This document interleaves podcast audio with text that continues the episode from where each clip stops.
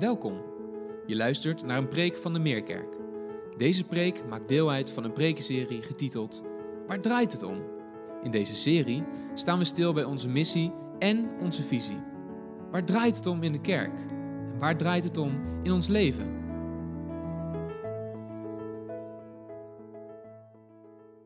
Goedemorgen. De laatste keer dat ik hier stond, toen eh, zaten de mensen in de zaal. En ik moet zeggen dat ik jullie wel enorm mis. Dat het toch wel eh, heel anders voelt om te spreken in een lege zaal. Maar ik hoop ja, dat we toch verbonden kunnen zijn eh, via de YouTube. Dat de livestream het goed doet en dat jullie mij goed kunnen zien en bovenal goed kunnen verstaan. Nou, zoals Henrike al heeft uh, aangekondigd, gaan we vandaag nadenken over gebed. En dat is het tweede schijf van de schijf van vijf, van onze schijf van vijf. En nu las ik afgelopen week in de krant dit. Nog geen 10% van de Nederlanders had de laatste jaren de in de schijf van vijf aanbevolen hoeveelheden groenten, peulvruchten, aardappelen, graanproducten en vetten. Nou, toen ik dat las, moest ik natuurlijk meteen aan onze schijf van vijf denken. En dan hoop ik dat onze statistieken als kerk iets beter zijn als het gaat om de geestelijke schijf van vijf. Dat toch wel iets meer dan 10% eet uit onze schijf van vijf. Woord, gebed, zending, zorg en zegen. Nou, vandaag gaan we dus nadenken over gebed aan de hand van het Onze Vader. Zo mooi voorgelezen door Nelke. Dat had ik zeker niet beter kunnen doen. Dank je wel daarvoor. En het Onze Vader gebed lazen we uit Matthäus. Maar als we het lezen in Lucas, dan wordt het gebed ingeleid met een vraag van de discipelen. De discipelen vragen namelijk, Heer, leer ons bidden. Leer ons wat gebed is. En daar willen we vanochtend ook over nadenken. Wat is bidden? En hoe doen we dat dan? En toen ik me erin begon te verdiepen, toen kwam er geen einde aan. Er is zoveel te zeggen over het Onze Vader gebed, dat ik er wel tien preken over zou kunnen houden. Nou, dat kan niet. We houden het bij één preek. Maar wel goed om te noemen dat, uh, nou ja, dat het dus niet op hoeft te houden na deze ochtend. En dat we door kunnen gaan, ook aankomende week met de preek door de week. Wat we zullen doen met de preek door de week is dat we iedere dag één vers van het Onze Vadergebed zullen behandelen. Dus uh, ook deze week kunnen we gewoon ons blijven verdiepen door middel van preek door de week in het Onze Vadergebed. En ik wil je aanmoedigen, dat preek door de week team, dat werkt zo ontzettend hard om iedere keer weer prachtig weer aangeraakt bent of als je een keer iets leest wat mooi is, uh, reply dan even op de mail en, en, bedank ze even. Dat bemoedigt ze enorm en ze werken keihard. Dus uh, dat is gewoon een tip, gewoon om hen te bemoedigen. Maar dat spreekt de week en nu vanochtend hebben we onze preek over gebed. En vanochtend wil ik dat doen, zoals Henrike ook al zei, aan de hand van de drie V's. Want ik las het Onze Vadergebed en ik was verbaasd over hoe doorspekt het was met verbinden, met verootmoedigen en met voorleven. En dat is precies de bril waar ik deze ochtend doorheen wil kijken als we kijken naar het gebed, wat Jezus ons leert. Het ons vadergebed. Dus drie punten. Heer, leer ons verbinden door gebed. Leer ons verootmoedigen in gebed en leer ons voorleven uit gebed. En ik zal uh, waarschijnlijk, als ik zo mijn tekst bekijk, eh, bij het eerste punt iets langer stilstaan dan bij de laatste twee punten. Dan weet je dat alvast. Verbinden door gebed. Nou, gebed is per definitie verbinding. Want we spreken met God. En dat doen we op een hele unieke manier, namelijk door, door bidden. En, en zo spreken we. We spreken ook in termen van verbinden. Denk aan onze telefoon. Als je een goede verbinding hebt met iemand aan de andere kant, ja, dan versta je elkaar goed. En als je even wegvalt, dan zeg je, ja, de verbinding valt even weg. En zo is het ook als we bidden, dan verbinden we ons met God, dan spreken we met God. En uh, met God is de verbinding altijd goed. Hij hoort ons altijd. Dat is heel goed en heel fijn om te weten. En het gebed begint met, een, met twee woorden. Onze Vader. En ik denk dat dat cruciaal is. Want er zitten twee verbindingen in, namelijk de verbinding tussen ons en God. En er zit een ons in, hoe we met elkaar verbonden zijn als we het Onze Vader bidden. Maar eerst die verbinding met God zelf. Jezus had van alles kunnen kiezen. Hij had kunnen zeggen uh, onze koning. Hij had kunnen zeggen onze schepper, maar toch kiest hij ervoor om te zeggen onze vader. Waarom? Waarom, is, waarom kiest hij juist het woord vader? Dat is best uniek, dat we God mogen benaderen als een vader. Heel dichtbij. En tegelijkertijd is het de vader die in de hemel is, dus die is ook heel ver weg is. Dus zo komt God op een wonderbaarlijke wijze, die zo groot is, komt zo dichtbij door hem, door mijn vader te mogen noemen. Nou, um, als hij, dit, als hij hierover spreekt, dan leidt hij het als volgt in. Hij, hij, spreekt over de heidenen. En als we de tekst even erbij kunnen pakken. Uh, wat doen de heidenen? Hij, hij zegt twee, soort, twee manieren van bidden, die, uh, die, die, die legt hij uit. Het bidden van de heidenen, die eindeloos voortprevelen en denken dat ze daardoor, met hun overvloed aan woorden, dat ze daardoor verhoord zullen worden. Wat zegt Jezus daarover? Doe dat niet. Bid niet zoals zij. Want je vader die weet immers al wat je nodig hebt voordat je het hem bidt. Nou, Oké, wat betekent dat? Betekent dat dus dat, we, dat de heidenen die bidden en die gebruiken heel veel woorden en die vragen van alles aan God, maar wij weten dat God al lang weet wat we nodig hebben, dus waarom zou je dan nog bidden? Nee, dat is niet wat hij bedoelt. Het gaat er niet om dat de heidenen wel bidden dat wij niet hoeven te bidden, omdat we vertrouwen dat God toch wel weet wat we nodig hebben. Nee, het gaat erom hoe bidden we. Hoe benaderen we God? Hoe verbinden we ons aan God? En op het moment uh, dat je bidt zoals de heidenen, wat je dan eigenlijk doet is, uh, zij bidden tot een God. En zij zeggen, ik doe dit, ik spring door al deze hoepels en ik gebruik de, al de juiste woorden. En dan, dan zal God mij verwoorden, verhoren. Het is dus een soort zakelijke relatie. Een voor wat, hoort wat relatie. En Jezus zegt, nee, dat is niet hoe we ons verhouden tegenover God. Hij is een vader. Dat is geen zakelijke relatie, nee, dat is een familierelatie. Waar het in een zakelijke relatie erom gaat van, oké, eh, wat heb ik aan jou te bieden? Wat heb jij mij te bieden? Wat kunnen we voor elkaar betekenen? Dus op basis van elkaars prestaties. Ik kan iets presteren voor jou en jij voor mij. Maar in een familierelatie gaat het daar niet om. Daar gaat het om de vraag: wie ben ik voor jou? En wie ben jij voor mij? Dat is zo anders. En begrijp me goed, er is niks mis met, uh, met de zakelijke relaties. Ik bedoel, ik heb er heel veel. Wij, uh, wij huren op dit moment een appartement. Nou, hebben wij een zakelijke relatie met onze huurbaas. Wij betalen netjes onze huur. En in ruil daarvoor mogen we erin wonen. En als er iets kapot is, dan uh, geven we dat aan en dan wordt het netjes gemaakt.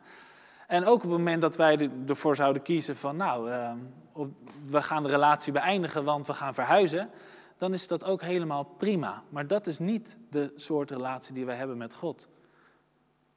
Want hoe zou dat eruit zien als we God zo benaderen? En stiekem doen we dat vaker misschien wel dan we denken. Dat we toch denken van ja, als ik dit doe en als ik maar genoeg bid en als ik maar genoeg Bijbel lees en als ik netjes naar de kerk ga en gezondheid de schijf van vijf eet, dan, dan in ruil daarvoor moet God me wel zegenen, want ik ben gehoorzaam. En dan is het een voor wat hoort wat relatie. En dat is zo anders dan wat Jezus hier ons leert. En dat was revolutionair om God als je vader te mogen noemen. Want ik zelf mag het kennen om vader te zijn van een kleine zoon, Benjamin. En dat gaat helemaal niet om wat hij mij te geven heeft. Sterker nog, ik geef hem alleen maar dingen. Het kost me alleen maar geld en uh, het kost hartstikke veel moeite en ik, hij geeft mij er niet iets voor terug. Los van heel veel vreugde uiteraard. Maar zo kan je investeren en investeren. Maar in onze relatie, wij, ik heb geen zakelijke relatie met mijn zoon. Ik heb een familierelatie, een vader-zoon relatie. En, het gaat erom wie hij is voor mij. Hij is mijn zoon. En ook als hij later op zal groeien en, en, en misschien wel dingen gaat doen waar ik niet blij mee ben, toch zal ik altijd van hem blijven houden. En toch zal ik altijd zijn vader blijven. Dat is de manier waarop we ons tot God mogen verhouden. En dat is best uniek, dat we hem onze vader mogen noemen. En daar hebben wij ook zelf niks voor gedaan. Hij heeft ons geadopteerd, als het ware, in zijn familie. als je als kind geadopteerd wordt, dan, dan heb je daar zelf vaak niet heel veel over te zeggen. Dat is een actie van de vader. En zo is het puur en alleen genade dat wij deel uit mogen maken van Gods familie. Het is zijn actie, het is zijn keus geweest. En het enige wat voor ons is veranderd, is we hebben, we hebben rechten gekregen. We hebben een status gekregen van een kind van God. Dat, dat heeft God aan ons gegeven. Jij mag mijn kind zijn. Daar hoef je niks voor te doen. Dat is hoe wij ons tot God verhouden. Maar daarmee gaat meteen een andere dimensie gepaard. En dat zit in dat eerste woordje waar het hele gebed mee begint, namelijk het woordje ons. We hebben het over onze Vader. Op het moment dat wij zijn kinderen worden, betekent dus dat we deel uitmaken, deel worden van een familie. Een familie waar dus ook broers en zussen van deel uitmaken. En iedere keer als we dat dan bidden, onze Vader, en hij zegt, trek je terug, hè, ga uh, in je binnenkamer en bid dan tot God. En dan, zelfs als we alleen zijn, dan bidden we nog steeds onze Vader. Dan, we, dan worden we dus nog steeds herinnerd aan het feit dat als wij, als wij bidden tot onze Vader, dat we ook deel uitmaken van een familie. En dat we in Hem ook verbonden zijn met al die andere mensen die een kind zijn geworden van Hem. Zijn kerk, zijn gemeente. Het is eerste persoon meervoud. Het is niet mijn vader, het is onze vader. En dit gebed mogen we dus bidden alleen in de stilte, maar mogen ook zeker bidden met elkaar. En bidden of zelfs zingen zoals we net hebben gedaan. En dankjewel muziekteam daarvoor. En ik hoop ook dat je dat thuis samen hebt mogen zingen en samen dit gebed regelmatig misschien ook bidt. Want als we onze vader zoeken, dan hebben we ook broers en zussen nodig om te begrijpen wat die relatie nou is met de vader. Ik zal het even uitleggen. Misschien herken je dat wel, dat als je met iemand bidt die wat dichter bij je staat, met wie je close bent, misschien wel je partner of een familielid, biologisch gezien, of een, een hele goede vriend, dan kan dat soms ongemakkelijker zijn dan wanneer we bidden met mensen die wat verder van ons afstaan. Van mensen die gewoon deel uitmaken van de kerk. Of als we naar het uur van gebed gaan. En dat is geweldig. En dank uh, Manon ook voor je geweldige getuigenis die je geeft. En ook geweldig om je bij het uur van gebed te zien. En zelfs dan, dan bid je met mensen die je niet kent. En dan zit je ook nog in je eigen kamer, heel veilig. En dat is ook heel fijn om op die manier te bidden. Maar het lijkt wel dat als we met mensen bidden die ons iets beter kennen, dat er dan iets ongemakkelijks in komt. En wat, wat is dat precies? Nou, als dat zo is, en ik zeg niet dat dat per definitie zo is, maar als dat zo is, denk ik dat het te maken heeft dat als iemand jou door en door kent, als iemand echt helemaal weet hoe jij in elkaar zit en ook de mindere kanten kent, ja, dan zijn toch, dan klinken bepaalde woorden al snel vromer dan, uh, dan dat je eigenlijk misschien wel bent. En als mensen je niet kennen, ja, dan, dan is het makkelijker misschien om vrome woorden te gebruiken en om, om heel uitgebreid te bidden. Maar als iemand je kent en als je daarmee bidt, dan voel je aan alles, oh ja, ik, ik, ik moet nu wel eerlijk zijn in mijn gebed. Want ja, die, die ander luistert mee. En, en dan is het dus moeilijker om dat te faken. En ook als je eerlijk spreekt met God, als je dan al eerlijk spreekt met God, dat is ook best intiem wat je zegt tegen God. En als iemand anders dan meeluistert, ja, durven we dan nog wel alles te zeggen? Of vertrouwen we die ander dat toe? Je geeft de ander dan toch echt wel een inkijkje in je hart als je je hart lucht voor Gods troon. Maar als je het vertrouwen hebt om dat samen te doen, man, dat, dat kan je zo samenbinden met elkaar. Niet alleen dichter bij God brengen, maar ook dichter bij elkaar brengen. Maar tegelijkertijd kan het je er ook juist van weerhouden. Dat, dat je denkt van ja joh, ik beleid mijn zonde wel liever alleen uh, tussen mij en God. Uh, dat hoeven andere mensen uh, niet te horen. Zo eerlijk hoef ik dan ook weer niet te zijn. Maar de Bijbel roept ons niet voor niets op om ook zonde te beleiden naar elkaar. Om ook met elkaar dat juist bij God te brengen. Want wat is daar zo mooi aan? Als je alleen bidt, dan natuurlijk ontvang je vergeving. Maar op het moment dat je met iemand anders oh, dingen eh, over geheimen spreekt, of dingen waar je, waar je misschien voor schaamt, dan kan er ook voor je gebeden worden. Dan kan iemand anders ook woorden van vergeving voor jou bidden, namens Christus. En dat is zo, zo waardevol. Dat is zo'n nieuwe dimensie van wat allemaal in dat ons zit van onze Vader. En op dat moment is het kennen van Christus, hoe close je ook bent met die persoon, op dat moment is het kennen van Christus voer dan de boventoon van jullie relatie. Op dat moment zijn jullie als het ware ja, allebei kinderen van God. En is dat wat je als eerste bent. En dat is dan ook de vraag die we moeten stellen in, in al onze relaties met andere gelovigen. Is, zien wij elkaar in eerste instantie als broeder of zuster? Misschien een beetje ongemakkelijk om in die termen te praten, zeker als je getrouwd bent. Maar zien we elkaar allebei als, als kind van God in eerste instantie en daarna pas partner, vriend, uh, biologisch familielid, zeg maar. Kijk, in de kerk, in de kerk is dat niet zo moeilijk. Want daar is iedereen in eerste instantie een broeder of een zuster. Sterker nog, met heel veel mensen, als we eerlijk zijn, zouden we in, in, in, andere gevallen nooit een connectie hebben, nooit een band hebben. Zij het niet dat we allebei naar de kerk gaan en dat we allebei hetzelfde geloof hebben. Dus dan is het ook makkelijk om met elkaar te bidden, want dat is het misschien wel het enige wat je met elkaar bindt. Maar hoe kijken we naar onze intimie, de mensen die dichter bij ons staan? Want als je samen bidt, dan bevestig je bij jezelf en bij de ander dat jullie op dat moment in eerste plaats kinderen van God zijn, broeders en zusters van elkaar.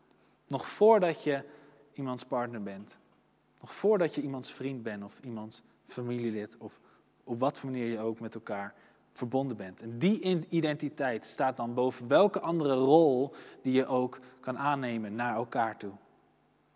En ik wil je uitdagen om daarover na te denken. En uh, nou ja, als er mensen zijn in je omgeving met wie je close bent, die ook gelovig zijn. En dit is misschien niet een gewoonte om met elkaar te bidden. Ja, en misschien zijn er wel dingen die, die daartussen staan uh, ik wil je uitdagen om dat in ieder geval bespreekbaar te maken. Van wat, hoe zit dat? Of het aan anderen te vragen, hoe doen jullie dat? Of om op je kring daar, daar verder over, over te praten.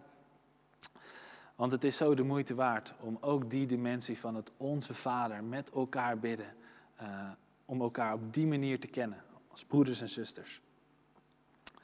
Nou, waar die eerste twee woorden, ik ben er wat langer over op, in, op, uh, op doorgegaan, op de verbinding van Onze Vader dan komen we bij de rest van het gebed. En de rest van het gebed is eigenlijk ja, één grote verootmoediging voor God. En zo komen we bij het tweede punt, verootmoedigen in gebed. Want omdat we ons verbinden met God, zoals ik net al zei, niet als een, als een, als een werknemer of, of dat we een zakelijke relatie hebben met God. Hij is niet je baas, nee, hij is je vader. En omdat we die relatie hebben, betekent het dat die hele relatie gekenmerkt wordt door genade. Dat is de enige manier waarop we aan elkaar, eh, aan de Vader verbonden zijn. We zeggen, dank u Heer, ik, ik, ik was verloren, maar u heeft mij gevonden. Ik was een zondaar maar, zondaar, maar u heeft mij vergeven. En sterker nog, u heeft mij geadopteerd en nu mag ik bij uw familie horen. Als dit jouw persoonlijke ervaring is met Jezus, dan kan het niet anders dan dat het tot verootmoediging leidt. Dat is verootmoediging. Heer, ah, ik, ben nu, ik, ik ben nu alles verschuldigd. Ik ben u zo dankbaar. U heeft me alles gegeven. En dat maakt dat we Hem aanbidden. Uw naam worden geheiligd. Dat maakt dat we ons aan Hem onderwerpen. Uw koninkrijk komen. Uw wil geschieden. Dat maakt dat we afhankelijk van Hem zijn in alles, de meest basale dingen in het leven. Geef ons ons dagelijks brood. Dat maakt dat we Zijn vergeving nodig hebben. Vergeef onze schulden. En dat maakt dat Hij alleen ons kan bevrijden van die zonde die nog steeds in ons zit. Leid ons niet in verzoeking, maar verlos ons van de greep van het kwaad. En het is belangrijk en mooi om te zien dat er in het gebed een, een beweging gemaakt wordt van aanbidding en onderwerping naar smeekbeden en berouw. Maar het begint met aanbidding. Het begint met het perspectief van de hemel, van God zelf. En dat wordt verwoord in drie keer uw, zoals we ook uh, hier kunnen lezen in de tekst. Um, is het eerst is het uw naam die geheiligd wordt. We beginnen met uw naam. We beginnen met uw koninkrijk die mag komen. En uw wil die mag, die moet geschieden. Daar beginnen we mee. Wat houdt dat in? Je verheerlijkt zijn naam. Je beschouwt God als heilig. Hij is het meest ultieme in je leven. Hij is het allerbelangrijkste. En voordat je ook maar duidelijk maken dat het gaat om Hem, dat Hij heilig is, dat het gaat om wat Hij wil, dat het gaat om Zijn plannen met deze schepping. Dat is wat centraal is. En dat is wat we in het Onze Vader gebed, omdat dat de rest van ons leven, de rest van ons gebed, alles in het juiste perspectief Namelijk dat jouw leven in teken staat van zijn naam, van zijn wil, van zijn koninkrijk. Hoe vaak leggen we niet onze vragenlijstjes neer bij God? En, en gaan we meteen in vraagmodus. Heer, wilt u dit voor mij doen? Wilt u dat voor mij regelen? Wilt u dit zegenen? Wilt u... En dan vergeten we om stil te staan van, ho, even. Waar gaat het nu eigenlijk om in dit leven? En zonder dat we het doorhebben, maken we andere dingen heiliger dan Hij. Dan zeggen we, dit is belangrijk, wilt u me dit geven? Of ik heb dit zo nodig. Of, of wilt u alsjeblieft dit doen in mijn leven? Oh, oh, oh. Daarmee zetten we onze verlangens, onze wil zetten we centraal. Onze naam zetten we centraal. We moeten beginnen bij zijn naam. Beginnen met onderwerpen aan zijn wil. Daar begint het mee. En je merkt het, je merkt het aan je gebedsleven als je God vooral opzoekt als je dingen nodig hebt, ja, dan, dan, dan, dan, dan slaan we die eerste stap over. Dan gaan we meteen in de vraagmodus. En dan vergeten we om even stil te staan en God aanbidden. Oh, verootmoediging. En na deze aanbidding en na deze onderwerping, dan pas, dan pas gaan we dingen aan hem vragen. En dan is, het, dan is het zeg maar het aardse perspectief, wat verwoord is in drie keer ons, ons brood. Wilt u dat geven, dagelijks? En, en wilt u ons vergeven? En wilt u, leidt ons niet in verzoeking? En ook daarin, ook dat is verootmoedigen. Want als we zeggen, geef ons ons dagelijks brood, zeg je, Heer, ik ben afhankelijk van u. Van de meest, de meest basale dingen in het leven, die verwacht ik van u. Mijn dagelijks brood. Niet, het, niet de kers op de taart, nee. U geeft alles wat ik nodig heb in mijn leven. En omdat, we, omdat Hij al van tevoren weet wat wij nodig hebben, mogen we alles vragen aan Hem. Geen zorg die te klein is, die we niet in gebed bij God mogen brengen. Waarom niet? Omdat we meteen het vertrouwen hebben dat Hij ons datgene zal geven wat we ook echt nodig hebben. We mogen alles vragen. En Hij is zo groot en Hij is zo machtig. Hij kan alles. Dat mogen we nooit onderschatten. Maar op het moment dat Hij ons iets niet geeft, verootmoedigen we ook ons. En zeggen we, Heer, misschien, misschien dacht ik dat het goed voor mij was, maar U weet wat echt goed voor me is. Dus ik vraag het, maar ik leg het ook bij U. En wat ik ontvang, dat ontvang ik en daar ben ik dankbaar voor. En vervolgens gaan we verootmoedigen door vergeving te vragen. We hebben een paar versen geleden hebben we nog gezegd hoe heilig God is. En nu willen we in zijn aanwezigheid komen.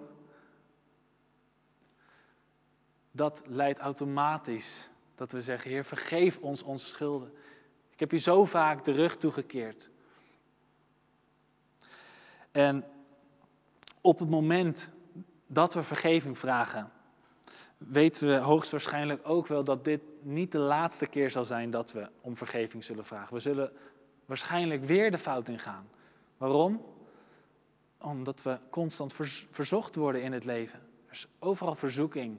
En, en, er is zonde in ons leven. En dat is de greep van het kwaad waar alleen Hij ons van kan verlossen. En daarom ook leidt ons niet in verzoeking. Oftewel dat we er niet aan overgegeven zullen. Dat we niet ten onder zullen gaan door al die verzoekingen die op ons afkomen. Maar red ons uit de greep van het kwaad. En ook daarin zijn we 100% afhankelijk van God die dat mag doen in ons leven. Zie hoe dit werkt? We beginnen met de hemel. Zijn naam zijn koninkrijk, zijn wil. En dan bidden we in vers 10 dat het op, mag zijn op aarde zoals het is in de hemel. Dat aarde hemel en aarde bij elkaar mogen komen. Oftewel dat zoals het is in de hemel, waar, waar het gaat om zijn wil. en zijn naam, dat het ook zo mag zijn hier op aarde. Dat het ook zo mag zijn in jou en in mijn leven. Die twee willen we met elkaar verbinden. En dat is wat we doen in verootmoediging, in het Onze Vadergebed. En als we ons op deze manier overgeven aan God, als we ons op deze manier verbinden aan God en dat doen, en niet één keer, maar dagelijks, dan kan het niet anders dat het impact heeft op ons leven. Dan kan het niet anders dat het ons verandert. zo komen we, zo komen we op onze laatste V. De V van voorleven. Want ons gebedsleven staat niet los van ons dagelijks leven. Als we echte ontmoetingen hebben met een levende God, ja, dan, dan is dat zichtbaar. Dan is dat zichtbaar in ons leven. Dat kan niet anders. En daarom staat er ook, wij vergeven zoals ook wij vergeven wie ons iets schuldig was. Dus op het moment dat we vragen om vergeving, wordt er meteen, staat het meteen in verhouding met hoe jij je verhoudt tot andere mensen. Je kan niet alleen maar vragen om, om vergeving, wilt u dit uh, vergeven, wilt u dat vergeven, en vervolgens de wereld ingaan en vervolgens andere mensen niet vergeven. Nee, als het goed is, ben je veranderd door die genade. Dat je hebt gezien, oh Heer, dat u mij hiervan wilt vergeven. Hoe kan ik dan niet anders dan die broeder of die zuster die mij iets heeft aangedaan? Hoe kan ik die dan niet vergeven? Zo staat in Colossense 3, vers 13. Zoals de Heer jullie vergeven heeft, zo moeten jullie elkaar vergeven. En, en, hier gaat Jezus nog op door. Hè? De, het Onze Vadergebed is al, is al afgelopen. Of hij, hij is daarmee klaar. En vervolgens voegt hij er nog iets aan toe in vers 14. Want als jullie anderen hun misstappen vergeven, zal jullie hemelse Vader ook jullie vergeven. Maar als je anderen niet vergeeft, zal jullie Vader jullie misstappen evenmin vergeven. Oftewel, je, je gebedsleven en hoe je je verhoudt tot God, dat staat, is helemaal verbonden met hoe je je verhoudt tot andere mensen. Als het niet een impact heeft in je leven, ja, dan, ja, waar slaat het dan op? Dan is het niet, dan is het een mismatch met elkaar. Um, ik wil hiermee eindigen. Nog heel veel over te zeggen, maar een, een prediker uit de vorige eeuw, zijn naam is Leonard Ravenhill. En die heeft, die heeft eens gezegd: No man is greater than his prayer life. Niemand is groter dan zijn of haar gebedsleven. En dat trof me wel toen ik dat las. We kunnen zoveel doen aan de buitenkant. We kunnen zoveel, zo actief zijn in ons leven, in ons christelijk leven, hier in de kerk. Ja, maar is dat dan wat ons groot maakt? Wat we doen en uh, het feit dat er veel mensen misschien wel komen naar onze kerk. En allemaal dingen die aan de buitenkant er super mooi en super goed uitzien. Maar zijn wij als kerk ook niet zo groot als ons gebedsleven? Als gebed de motor is van Gods koninkrijk. Als dat de motor is van ons samen zijn hier. Van wie we zijn als kerk. Als het daarom gaat. Als we dat niet hebben, als we de connectie met God verliezen, wat, waar slaat dan alles op wat we, wat we doen? Dat is, daar begint het mee met ons gebedsleven. No man is greater than his prayer life. Daar achter gesloten deur. Afgezonderd om te bidden. Wat niemand ziet. Alleen jij en God. En als hij je hart ziet en jij die van hem. Daar word je gevormd. Daar, daar gaat hij met jou aan de slag. Daar raak je onder de indruk van hoe heilig hij is. Als je hem aanschouwt. Als je zijn heilige naam aanbidt. Als je uitziet naar zijn koninkrijk, hier zo op aarde, in jouw leven, in jouw kerk. Als je zegt, Heer, niet mijn wil, ik wil verlost worden van mijn wil, ik wil dat uw wil geschiet in mijn leven. En ik ben zo afhankelijk van u, zelfs van de kleinste dingen. Geef mij uw dagelijks brood. En als je dan ziet wat hij heeft gedaan voor ons, om onze zonden te vergeven, de weg die hij is gegaan, de weg van het kruis, en sterven, maar ook zijn opstaan. Als we dat aanschouwen, als we dat zien, om ons te vergeven van zonde, om ons te verlossen van de greep van het kwaad, als we dat aanschouwen, dan raken we zo onder de indruk van wie Hij is. Laten we dat doen.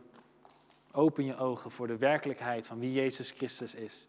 Door diezelfde ogen te sluiten in gebed met Hem. Laten we bidden.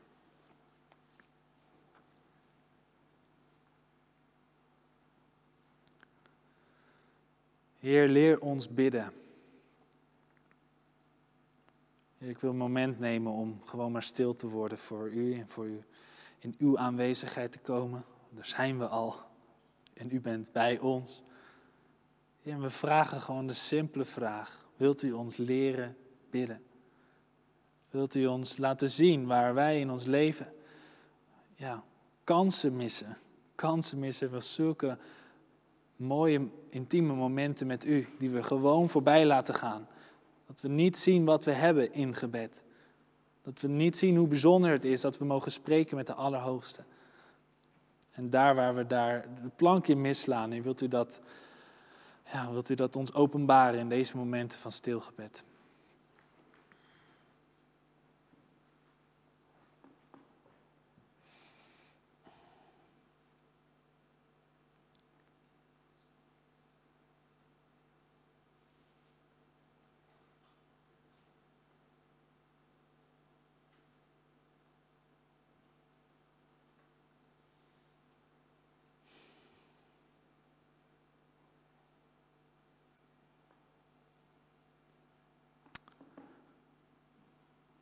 Onze heden, ons dagelijks brood. En vergeef ons onze schulden. Gelijk ook wij vergeven onze schuldenaren.